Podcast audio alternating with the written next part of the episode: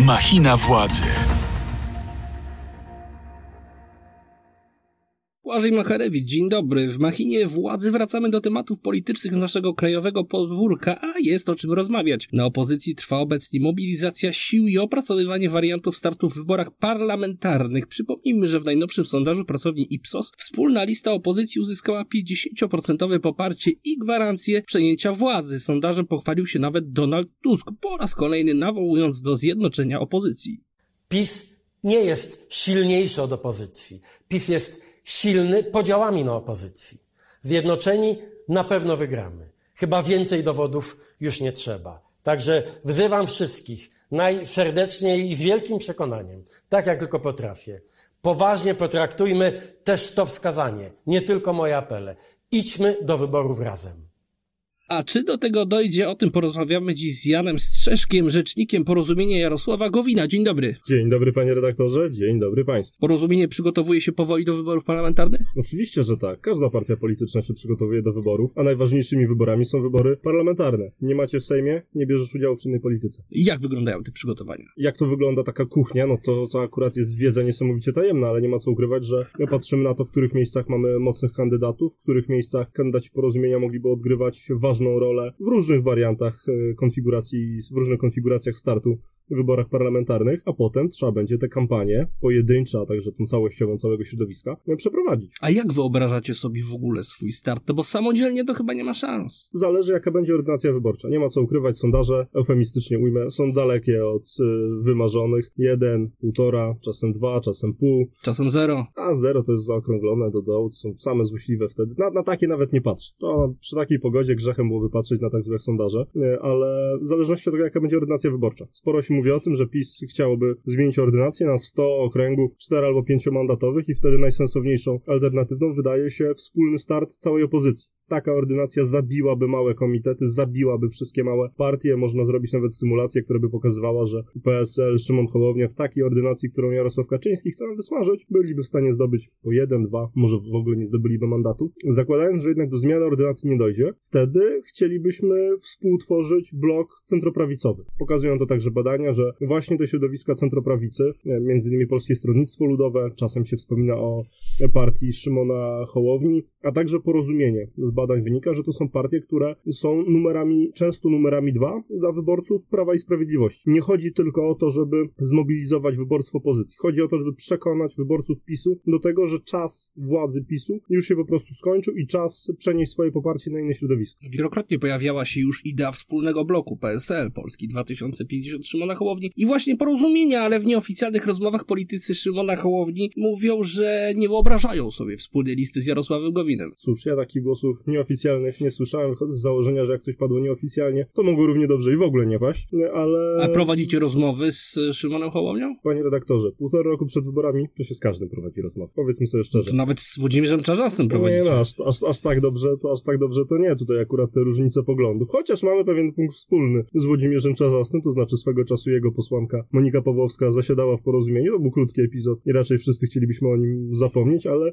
jakaś styczność była. Fakty są jednak e, że myślę również, że Szymon Hołownia, patrząc na spadające sondaże, już nie jest trzecią siłą w kraju, jest już czwartą, już dwucyfrowych wyników nie ma, pewnie będzie chciał współpracować, może z Platformą Obywatelską, może z nami. Zobaczymy. My jutro rozmawiamy, nie wiem, czy mogę zdradzić, kiedy rozmawiamy. Rozmawiamy w piątek 20 maja, 21 maja będzie konwencja porozumienia i myślę, że zaproszeni goście trochę pokażą, którą stronę chce iść porozumienie. A co będziecie chcieli przedstawić podczas tej konwencji? Przede wszystkim nasz program w zakresie gospodarki. Nie ma co ukrywać, że obecna sytuacja pokazuje nam, a ta, że czas najwyższy na obniżkę podatków, nie taką, którą PiS zaproponował z 17 do 12, tylko powinniśmy być w tym zakresie znacznie bardziej radykalni. To znaczy, mając do wyboru dwie wizje. Albo więcej pieniędzy w kieszeni państwa, a mniej w kieszeni naszych słuchaczy. Albo więcej pieniędzy w kieszeniach naszych słuchaczy, a mniej w kieszeni państwa, to ja wolę, jak państwo ma mniej pieniędzy. To z Konfederacją będziecie rywalizować. To wiele środowisk ma wolnorynkowe postulaty. Akurat Konfederacja, mimo tego, że ten taki rys wolnorynkowy tam jest, to jest jest to absolutny miszmasz gospodarczy, bo są i osoby o bardziej socjalistycznych poglądach, ta ekipa Ruchu Narodowego. No, tam taka mieszanina, która tak naprawdę łączy antysystem. No dobrze, zakładając, że jakimś cudem uda wam się wejść do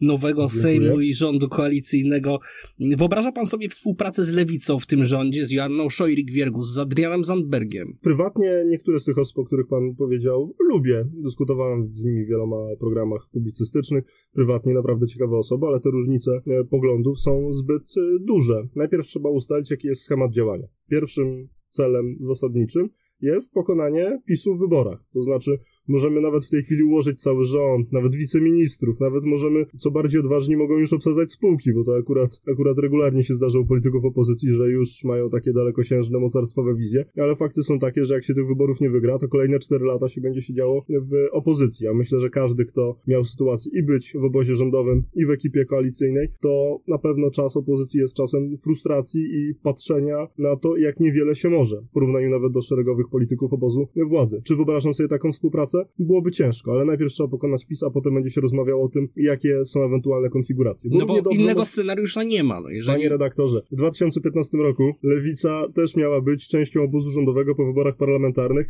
i pewnie gdyby weszła do Sejmu, to by stworzyła rząd no, razem... startowała oddzielnie, a teraz będzie startować ale... raczej w ramach szerszego bloku. Startowała wtedy tylko partia Razem była oddzielona, SLD, czyli partia z gigantycznym doświadczeniem na polskiej scenie politycznej, 7,7% i pod progiem nie przekroczyli tego progu e, wymaganego dla komitetów e, koalicyjnych. Wtedy Adrian Zandberg tak wjechał jak szalony i te 3,9% dla partii Razem wyrwał też sprawiając, że partia Razem na stałe zagościła już e, w polskiej, na polskiej scenie politycznej. Najpierw wygramy wybory, a potem porozmawiamy. Słuchasz podcastu Radia Z. No dobrze, pojawia się projekt dotyczący równości małżeńskiej, nadania takich samych praw związkom homoseksualnym. Co wtedy zrobi porozumienie? Mówię już o tym wariancie rządowym. To po pierwsze, jak taki projekt się pojawi, najpierw trzeba ten projekt przeczytać. To znaczy, patrzę na to być może trochę inaczej niż pan redaktor, dlatego że mam doświadczenie kilku lat współpracy z PiSem i to, jaka jest idea, a to, jaki projekt rzeczywiście wchodzi na agendę, to są dwie zupełnie różne rzeczy. Diabeł tkwi w szczegółach i tutaj o tych szczegółach rozmawiamy. Ja osobiście, i to jest moje prywatne zdanie, w kwestiach światopoglądowych w ogóle nie wiem, czy jakakolwiek partia ma jakieś, jakąś e, dyscyplinę e, w głosowaniu. Ja osobiście jestem zwolennikiem tego, co zapisano w artykule 18 Konstytucji. Małżeństwo jest związkiem mężczyzny i kobiety i państwo powinno wspierać taką instytucję małżeństwa opartego właśnie na mężczyźnie i kobiecie, ale jestem osobiście zwolennikiem tego, żeby związki jednopłciowe mogły się dowiadywać o tym, znaczy, co... ten zapis brzmi troszeczkę inaczej, bo to jest, tam jest mowa o tym, że tam państwo są... chroni e, małżeństwo jako związek mężczyzny, mężczyzny i kobiety. kobiety. Są akurat różne inter... konstytucjonaliści w różny sposób to interpretują. Wiadomo, że praktycznie każdy byłby w stanie znaleźć interpretację, która jest dla niego korzystna, więc nie ukrywam, również z tego skorzystałem, ale e, ja osobiście jestem zwolennikiem tego, żeby pary jednopłciowe miały możliwość dowiadywania się o sobie w szpitalu i żeby w sumie każdy, kto by chciał taką formę, z takiej formy korzystać, miał taką możliwość wspólnego nawet rozliczania się, może ulg podatkowych, jakby to jest akurat otwarte. Najważniejsze jest to, jak brzmi projekt, bo jeżeli rozmawiamy o sam, samej idei, to możemy wszyscy myśleć o czymś zupełnie innym. Te wszystkie środowiska opozycyjne w ogóle programowo mam wrażenie niewiele łączy poza chęcią e, obalenia rządu PiSu. Taka mieszanka może szybko eksplodować. Oczywiście, że tak, ale to samo się mówiło o Zjednoczonej Prawicy. To znaczy... No tam jednak mamy więcej wspólnych mianowników, panie rzeczniku. Teraz mam wrażenie, że największym wspólnym mianownikiem są stanowiska, co widzieliśmy przy okazji e, dymisji, właściwie co, przepraszam, dymisji, no, niestety nie dymisji, w przypadku głosowania za Adamem Glapińskim chodziło tak naprawdę tylko o to, żeby się panowie między sobą dogadali. No, w kuluarach, jeżeli chodzi, przychodzi do mnie poseł opozycji, spotykam go na korytarzu sejmowym i on mówi do mnie, Janek, słuchaj, teraz cena naprawdę wzrosła. Ja się śmieję, że to inflacja dosięgła Narodowy Bank Polski. Proponują mi za absencję, żebym obsadził delegaturę Narodowego Banku Polskiego. Wcześniej proponowali pracę dla jednej osoby, teraz już delegaturę. To widać, że tamtej wspólnoty idowej też specjalnie nie ma, obserwując. Ja cały czas rozmawiam z politykami PiSu. Tak samo jak gdy byliśmy częścią obozu rządowego, rozmawiałem z politykami e, opozycji. Mam osoby, które lubię, mam osoby, które nie lubię, tak jak pan redaktor i pewnie wszyscy nasi e, słuchacze. To każdy wie, że koalicja istnieje tylko i wyłącznie na papierze. Tam miłości nie ma. To jest chyba ostatnia emocja, jaką do siebie żywi w tej chwili Jarosław Kaczyński, Zbigniew Ziobro w tym takim kwadracie miłosnym z Marcinem Ociepą i Adamem Bielanem. Miłości nie ma, zaufania nie ma, jest tylko i wyłącznie interes, interes taki, żeby swoich ludzi utrzymać w spółach, żeby swoich ludzi utrzymać w resortach i żeby, jak Bóg da Jarosław Kaczyński w przypadku pozostałej trójki, znaleźć się na listach. Powiedział pan o tej rozmowie z jednym z polityków opozycji. To tylko taka anegdota, czy rzeczywiście sytuacja taka miała Nie, miejsce? no tak, no to nie wymyślam anegdot. Nie, Uważam, ujawni, że... nie ujawni pan z jakiej opcji. Nie, no to już było, mogłoby, e, mogłoby... Zaboleć. Z, rac- z, racji, z racji tego, że z racji tego, że jest sporo małych środowisk na opozycji, to wtedy się okazuje, że można, ma, już, ma się już po 15-20% szans, żeby już wylosować takiego posła. Nie, ale ja, życie pisze tak piękne scenariusze, że nie ma co wymyślać anegdot. Naprawdę. Szanowni Państwo, tu się zwracam do naszych słuchaczy. Tak wiele się ciekawego dzieje na tych sejmowych korytarzach i w okolicach Sejmu, że naprawdę większość anegdot, które usłyszeliście, są prawdziwe. Donald Tusk w roli premiera. Podoba się panu taki pomysł? jest naturalne, dlatego że jest szefem największej partii opozycyjnej. Jakby szefem największej partii opozycyjnej był Jarosław Gowin, to pewnie wszyscy by się zgodzili, że to on powinien być kandydatem na premiera. Jakby Kośniak-Kamysz był szefem największej partii opozycyjnej, to byłoby tak samo. Czy jest mu to mój wymarzony premier? Nie. Moim wymarzonym premierem byłby Jarosław Gowin, dlatego jestem w porozumieniu Jarosława e, Gowina. Ale czy tak się stanie? No, mam wrażenie, że jeżeli opozycja pokonałaby PiS, to potem będziemy mieli taki miesięczny okres bardzo daleko idących negocjacji, bo koalicja, Marek Suski kiedyś bardzo zgrabnie powiedział w radiu, jest wróg, śmiertelny wróg i koalicja. I z doświadczenia współpracy z PiSem mogę powiedzieć, że tak to właśnie wyglądało. Jeżeli trzeba będzie ułożyć taką układankę środowisk opozycyjnych, które będą miały możliwość stworzenia rządu, to nie będzie to proces, który będzie trwał jeden dzień, dwa dni albo tydzień. To będzie naprawdę miesiąc ciężkich negocjacji, bo trzeba będzie się dogadać na, o, o, o tym, za, kto za co odpowiada, bo odpowiedzialność w ramach rządu to jest szalenie istotna rzecz, ale wybór premiera pewnie będzie należał do największej partii opozycyjnej, to jest naturalne. Ja pamiętam pan w 2005 roku te długie negocjacje czym się zakończyły. Ja nawet y, mam taką anegdotkę, że to wynikało z tego, że już było bardzo blisko porozumienia między PiSem a Platformą, to wiem od osób, która była bardzo blisko wtedy i wtedy zaważyło to, że jeden z liderów Platformy nie korzystał, nie miał przy sobie telefonu komórkowego. Nie był w stanie odebrać telefonu od Kazimierza Marcinkiewicza i w związku z tym koalicja PiSu z Platformą nie powstała. Jeżeli słuchają nas osoby, które wtedy były jakimś gronie decyzyjnym, to myślę, że będziemy wszyscy wdzięczni za potwierdzenie tej anegdoty. A powrót do koalicji z PiS krąży gdzieś y, panu po głowie? Co by musiało się stać, żebyście wyciągnęli rękę na zgodę? Nie, panie redaktorze,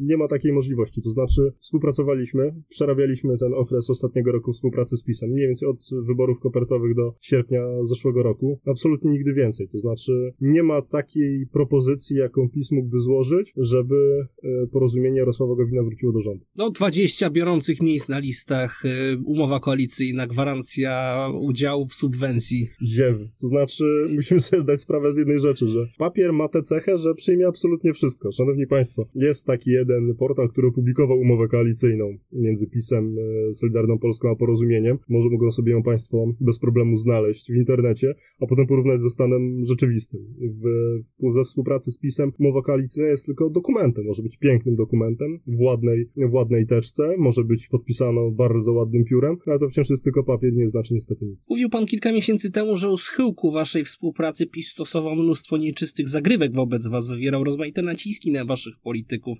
No była też sprawa samego Jarosława y, Ma to miejsce teraz także? Teraz już, e, teraz już nie, oczywiście. Dali wam się, już spokój. Znaczy, dali nam spokój. Teraz skoncentrowali się na tym, żeby e, tego typu metody wykorzystywać na Zbigniewie Ziobrze, na grupie Bielana, na grupie e, Ociepy. Ja jestem przekonany. To znaczy, jeżeli bardzo często jest taka obiegowa opinia, że Solidarna Polska jest monolitem, że akurat Zbigniew Ziobro to trzyma kontrolę nad swoimi ludźmi i zawsze jest taka legenda miejska, że na pewno na każdego ma, kolokwialnie mówiąc, kwity. No, muszą sobie, szanowni nasi słuchacze, zdawać sprawę z tego, że jestem przekonany.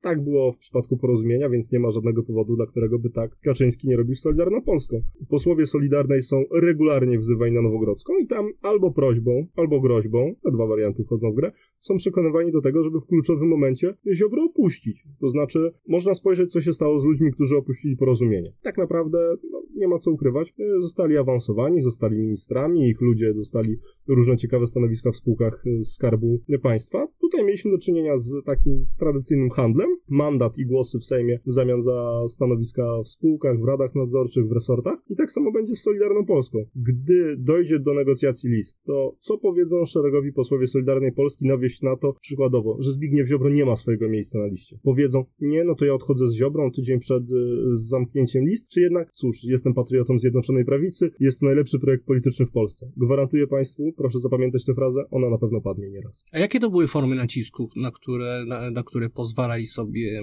politycy PiSu wobec waszego środowiska? To było, oj, to był bardzo szeroki wachlarz, bo prośby, no to mniej więcej wiadomo, co to jest. Głównie stanowiska, etaty, może obiecane miejsce na liście, jakieś frukta wynikające z tego, że się jest w obozie władzy. A co do gruźb, e, e, nie ma co ukrywać, że e, były pogłoski o wykorzystywaniu służb specjalnych i szukaniu informacji, które mogły być kompromitujące na polityków porozumienia. Były także groźby ujawniania tajemnic rodzinnych. Proszę wybaczyć, nie mogę powiedzieć jakiej dokładnie, bo po prostu to by naturalnie wskazywało na osobę, wobec której ta groźba była skierowana. Dlatego też, jak wybuchła afera Pogasusa, to porozumienia akurat nie było tym specjalnie e, zaskoczone. To znaczy, widzieliśmy w jaki sposób byli przekonywani do współpracy nasi koledzy, więc wiedzieliśmy, że wszystkie e, warianty są wykorzystywane. Ja też pamiętam, w przypadku niektórych naprawdę wystarczyła prośba i jakaś obietnica. Pamiętam, jak rozmawiałem teraz z ważnym politykiem obozu władzy, nie mogę zdradzić, niestety jeszcze nie mogę zdradzić nazwiska. Pamiętam, jak rozmawiałem z nim dzień po dymisji Jarosława Gowina i to była zawsze osoba, która była zwolennikiem wyjścia z koalicji. Ja pamiętam, jak usłyszałem nagle, Janek, nieprzemyślane to jest, Jarek tego nie policzył. Janek, ja mam kredyt. Także kredyt jest bardzo często wartością wyższą niż patrzenie w lustro. No pana Ryszard, marszałek Ryszard Terlecki do Sejmu nie chciał wpuszczać chyba. Tak, się. tak było, to było swoją drogą dość niesamowite. Pan jest ulubieńcem w ogóle wicemarszałka. To bardzo mi miło, zresztą z wzajemnością, dlatego była taka sytuacja, że jako szef gabinetu politycznego wczesnego wicepremiera e, nie byłem w stanie, miałem zakaz wchodzenia do Sejmu, to znaczy klub PiSu. W czasie pandemii było tak, normalnie, bo tak opowiem taki rys, jak to wygląda. Normalnie osoba współpracująca z klubem parlamentarnym czy z jakimś poszczególnym posłem ma taką, e, taką tabliczkę, taką kartę wejścia, która umożliwia mu wchodzenie na teren Sejmu. W czasie pandemii było tak, że dodatkowo klub parlamentarny musiał potwierdzić takie zgłoszenie, no żeby jak najmniej osób po Sejmie chodziło. I mi PiS regularnie odmawiał wchodzenia do Sejmu. To znaczy, jako szef gabinetu i rzecznik partii współrządzącej Polską, nie byłem w stanie wchodzić do Sejmu na konferencję na przykład z wicepremierem. I wtedy korzystałem z życzliwości różnych klubów czasem lewicy, czasem e, PSL-u, no to chodziło naprawdę do sytuacji, że nie byłem w stanie na przykład spotkać się z dziennikarzami, udzielić im informacji, na którą byłem umówiony. Pamiętam, że rekordowo chyba do Sejmu wchodziłem godzinę i wtedy mi pomógł, mi pomógł jeden z takich sympatycznych posłów lewicy. A myśli pan, że obecny rząd wytrzyma do końca kadencji, czy jednak dojdzie do przyspieszonych wyborów? Teraz, jak już przegłosowano Glapińskiego, to jednak obstawiam, że to wytrzyma do końca kadencji, dlatego że nie ma już specjalnie furtek pozwalających na przyspieszone wybory. Jedyną możliwością tak naprawdę realną jest to, że nie zostanie uchwalony budżet i wybory odbyłyby się na wiosnę przyszłego roku, bo wiara w to, że Mateusz Morawiecki poda się do dymisji jest absolutnie wiarą ułomną. To nie jest człowiek, który byłby w stanie ze względu na swoją dumę powiedzieć, że się podaje do dymisji. To jest ten typ, który, tak jak w Asterixie i Obelixie, gdyby Mateusz Morawiecki był częścią tej bajki, to on by skoczył do kociołka z wodą sodową e, i jemu nie pozwala honor na to, żeby się podawać do dymisji z funkcji wicepremiera. Myślę, że jak będzie musiał opuścić swój gabinet przy Alejach Ujazdowskich, to będzie chyba najgorszy dzień jego życia.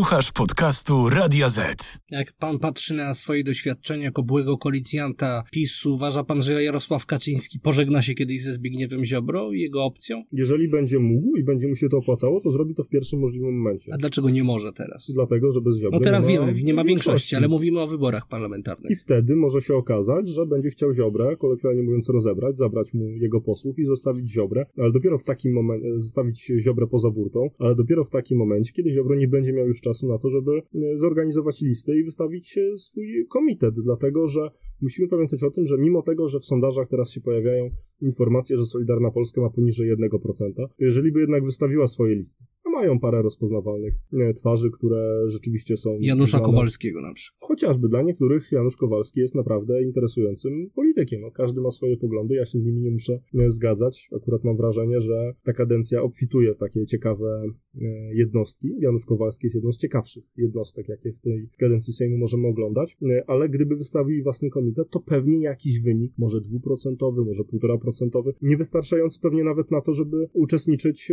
w mm, subwencji, ale na tyle duży, że PiSowi byliby w stanie zabrać trochę mandatów, bo wiadome jest to, że Solidarna Polska nie odbierze poparcia lewicy, nie odbierze poparcia Platformy, odbierze PiSowi. Dlaczego rząd wykonał teraz takie przyspieszenie w sprawie Krajowego Planu Odbudowy? Mieli być nieugięci wobec Unii Europejskiej, a teraz się uginają. Z bardzo prostej przyczyny. Mogę tutaj zacytować ministra Rostowskiego. Pieniędzy nie ma e, i dlatego pieniądze trzeba szybciutko zorganizować. Musimy sobie zdać sprawę z tego, że gigantyczne pieniądze kosztowało Polskę e, różnego rodzaju tarcze, które uratowały przedsiębiorców przed e, kryzysem i zamknięciem biznesów związanych z pandemią i koronawirusem, ale po drugie także te tarcze, które są wprowadzone teraz. To, że paliwo kosztuje teraz 7 zł, a nie 10, wynika z tego, że obniżono podatki. W związku z tym państwo ma mniej pieniędzy niż by miało normalnie, więc te pieniądze z Brukseli są w tej chwili po prostu niezbędne. Nie będzie kasy, Jarosław Kaczyński nie będzie mógł wtedy dać 17 i 18 emerytury, a wiemy, że bez tego nie jest w stanie pokazywać polityki sprawczości. Nie no ma tak. pieniędzy, nie ma polityki. Opozycja grzmi, że PiS wykorzysta pieniądze z Funduszu Odbudowy do swoich własnych celów, kierując się wyłącznie dobrem wyboru. No i pewnie będzie. To znaczy, ja pamiętam, jak my w ramach Polskiego Ładu, jeszcze gdy byliśmy częścią obozu rządowego, nie wiem, czy szanowni państwo, nasi słuchacze pamiętają, był kiedyś taki program e, inwestycyjny, się chyba nazywało. Chodziło o inwestycje samorządowe w każdym razie. Nie pamiętam dokładnej nazwy, bo to wszystko mniej więcej brzmi, nazywa się podobnie. I tam był problem taki, że praktycznie same samorządy związane z PiSem dostawały pieniądze. No, można było się spodziewać, że jest jakiś wójt, burmistrz związany z jakimś posłem PiSu, to kasa na pewno na tę gminę, miasto będzie. My jak zaproponowaliśmy, żeby był taki algorytm, który to liczy w sposób względnie obiektywny, tak żeby nie można było ręcznie tym sterować, to zostało to odrzucone. Dlatego, że PiS będzie, taką ma też naturę, będzie wykorzystywał państwo do e, polityki. Tutaj też widzimy taką pewną zaburzoną hierarchię, że to nie państwo jest decydujące, nie struktury państwa, ale struktury partii są istotniejsze niż e, struktury e, państwa. To, że lider partii nie jest premierem, można by, mogłoby jeszcze jakoś obronić, ale to, że wszystkie najważniejsze decyzje zapadają na Nowogrodzkiej, już pokazuje, że w hierarchii istoty w działaniu państwa, państwo jest na drugim miejscu po partii, więc interes partii będzie ważniejszy niż interes państwa. To na koniec PiS zmieni ordynację wyborczą? Jeżeli będzie mógł, to to zrobi. Bardzo dziękuję za rozmowę. Moim Państwa gościem był Jan Strzeżek, rzecznik porozumienia Jarosława Gowina. Zachęcam do słuchania nas w playerze Radia Z i aplikacji Spotify. W kolejnym odcinku Machiny Władzy spotka się z Wami Mikołaj Pietraszewski. Dziękujemy za uwagę. Do widzenia. Do usłyszenia. Dziękuję bardzo. Machina Władzy. Więcej podcastów na player radioz.pl